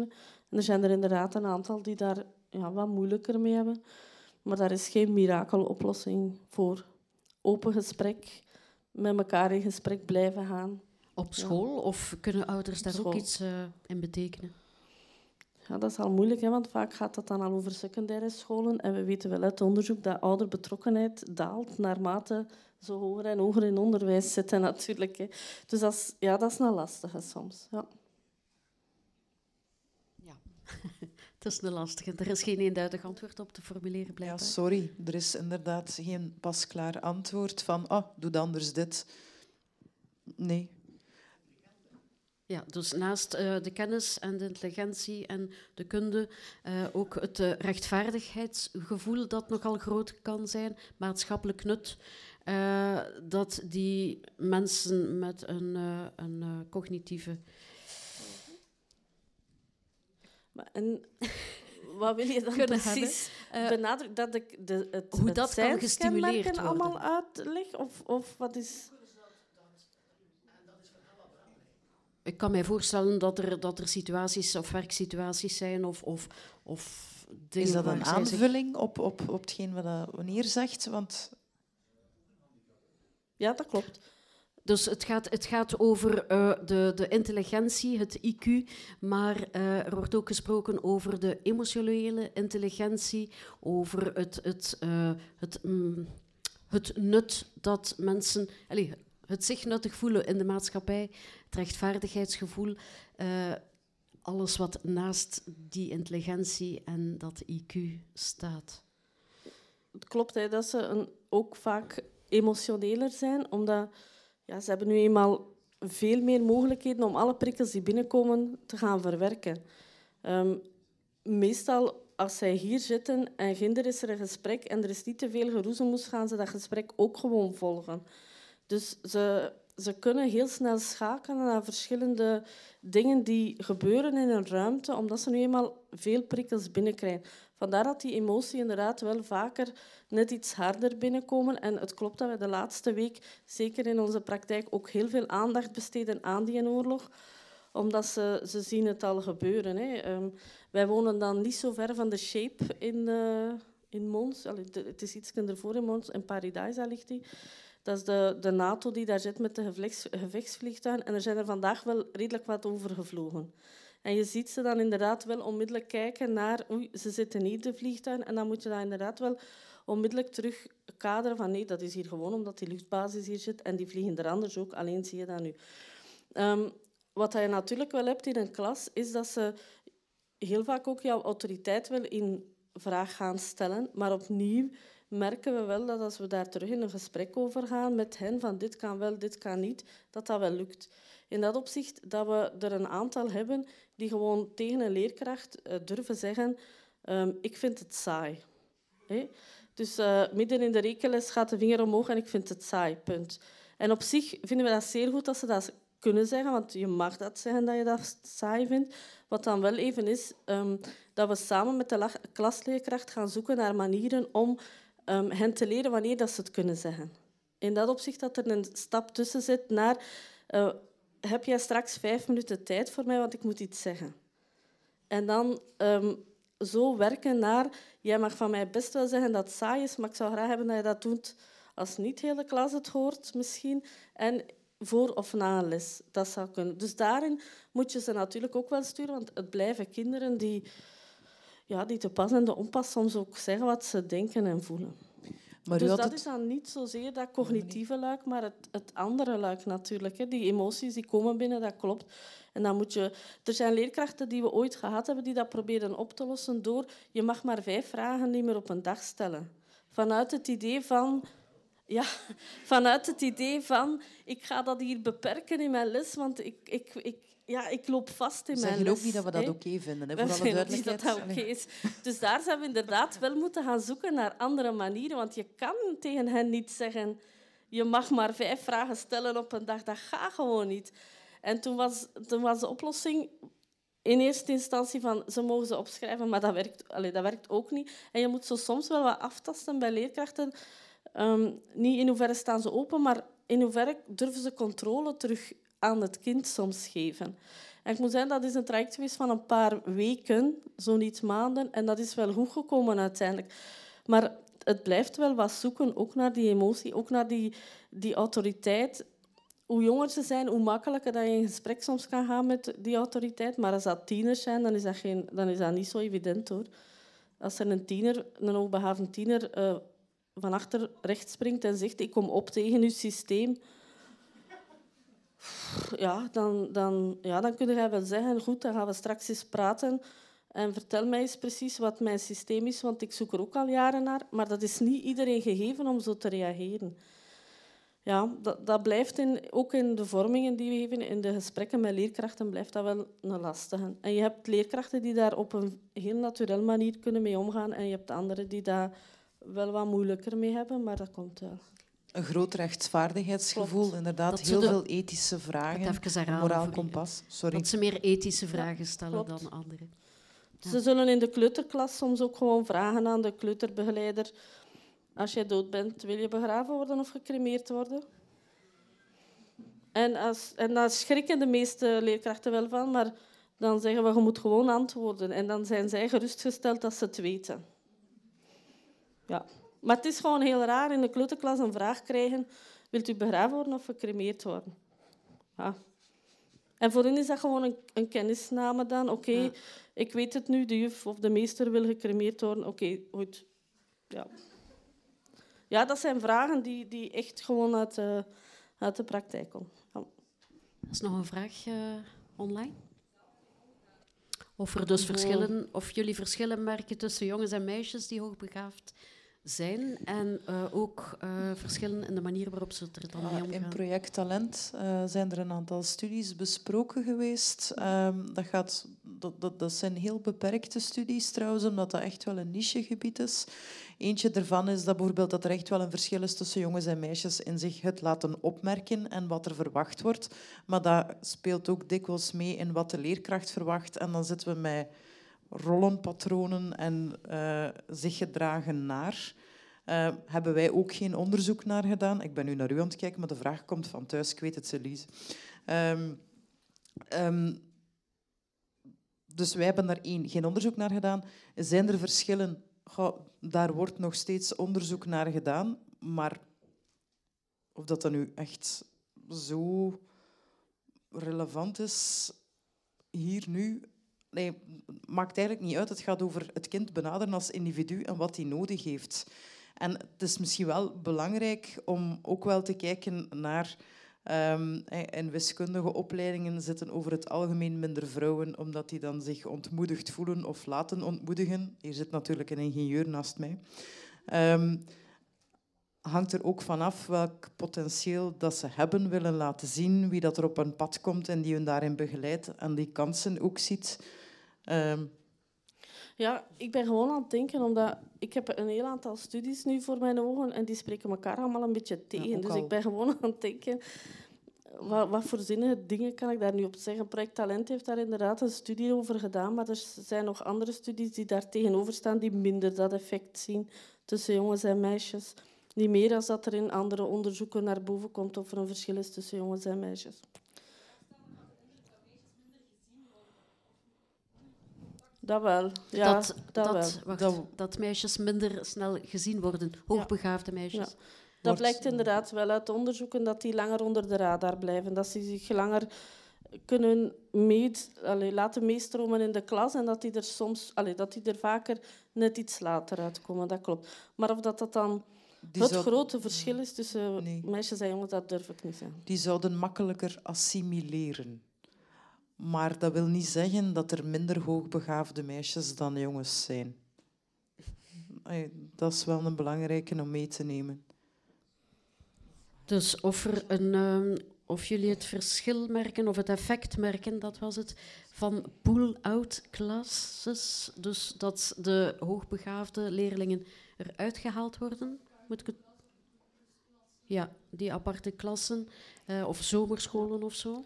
Wij hebben daar zelf geen onderzoek naar gedaan. Wij, zijn, wij blijven in de klas en wij proberen um, dingen te zoeken of te onderzoeken zodat leerkrachten versterkt worden in hun klas. Dus specifiek of dat dan het pull-out, dus het uit de kangeroeklas halen, of dat dat uh, meer leereffect geeft dan anderen, dat hebben we zelf niet onderzocht. Omdat dat zeer... Dat zijn eigenlijk... Ja, je hebt al bijna longitudinale studies voor nodig. En ja, dat, dat doen wij niet op een hogeschool. Um, we hebben wel uh, de meta-analyses van Hattie Mitchell-Marzano erbij genomen om te kijken naar wat die effecten zijn grootschalig, om dan verder te kijken naar het idee van vooral die leerkrachten sterker maken om het in de klas met die leerlingen te doen en wat dat de leereffecten daarvan zijn. Um, daar hebben we vooral op ingezet. Dus ik begrijp uw vraag zeer goed. Uh, we geven ook mee in die krachtige leeromgeving dat we co-teaching of teamteaching, dat we dat ook zien als een, een, een, stap in de richting van nog meer te kunnen realiseren. Want wat dat, wat dat co-teaching of teamteaching betreft, 1 en 1 is 3. Um, je kunt veel meer bereiken met je leerlingen als je daar met twee staat en zeker als je dan nog heel complementair bent. komt ook heel veel bij kijken. Ehm, daar zien wij ook wel de voordelen van in voor alle leerlingen en niet per definitie voor cognitief sterk functionerende leerlingen. In een aantal Anglo-Saxische landen heb je wel duidelijk effect. Maar het nadeel is natuurlijk dat die daar die hebben een heel ander onderwijssysteem. Dus daar worden sowieso al de sterke leerlingen uitgehaald om in een ander traject te stoppen. En ja, die komen dan verder. Dan, maar je kunt dat niet vergelijken met, met Vlaams onderwijs. Dus dat is, ik vind dat altijd een heel moeilijke vraag. Daar zijn heel veel studies over die wel aantonen dat als inderdaad in zo'n um, mini-klas, microklas, in een speciale klas zitten, dat er wel wat leereffect is. Alleen ja, als je ze van in het zoals in Amerika, wel wat uithaalt, ja, dan... Ja. Dan heb je die A-levels en die B-levels. Dan heb je inderdaad wel die SAT's die heel bepalend zijn. En daar wordt al veel sneller gestreamd, namelijk in niveaugroepen gewerkt of leerlingen die uit elkaar gehaald worden, wat we zeker al niet in het basisonderwijs hier hebben. En in het secundair onderwijs hebben we natuurlijk wel, eh, nu niet meer ISO, BSO, TSO, KSO, maar hebben we de doorstroomfinaliteit en de arbeidsfinaliteit. Maar daarin zit nog altijd heel veel diversiteit. Um, en we hebben geprobeerd om de vertaalslag te maken vanuit die Anglo-Saxische studies naar en wat doet dit in het Vlaamse onderwijssysteem. En er speelden zodanig veel actoren en factoren in mee die de verschillen bepalen dat we heel moeilijk tot gelijkenissen konden komen, laat staan doortrekken naar hier. Wat ons ook frustreerde, trouwens. Oké, okay, dank u wel. Dus uh, een leerkracht die zich afvraagt waar er uh, materialen te vinden zijn om te gebruiken ja. bij sterk functionerende leerlingen. Een, en ook manieren om te differentiëren ja. tussen hoogbegaafde leerlingen. Dat is een, een hele open vraag. Ik vind dat zelf moeilijk om te beantwoorden, omdat er heel veel materialen zijn. Maar er is wel een mooie lijst gemaakt van al die materialen en die staat op Project Talent.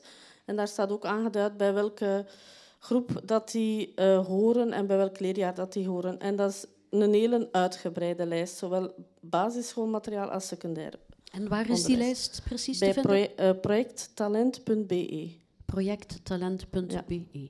En daar staat ja, veel dingen op van de Vlaamse markt en ook van de Nederlandse markt. Want op de Nederlandse markt is wel redelijk wat, maar daar zitten natuurlijk met de Nederlandse context soms.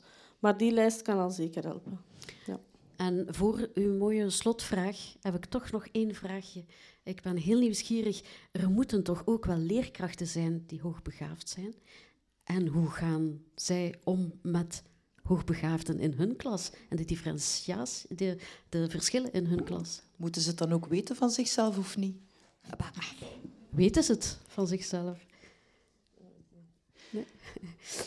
Uh, het inspelen op en snel opmerken uh, en, en, en mogelijkheden bedenken en mee, snel meedenken met leerlingen, dat is natuurlijk wel een extra troef dat je als leerkracht hebt. Maar wij gaan hier niet de, de, de, de poneren van hoogbegaafde leerlingen en hoogbegaafde leerkrachten, match made in heaven. Ah, nee. Nee, dat, nee. oké.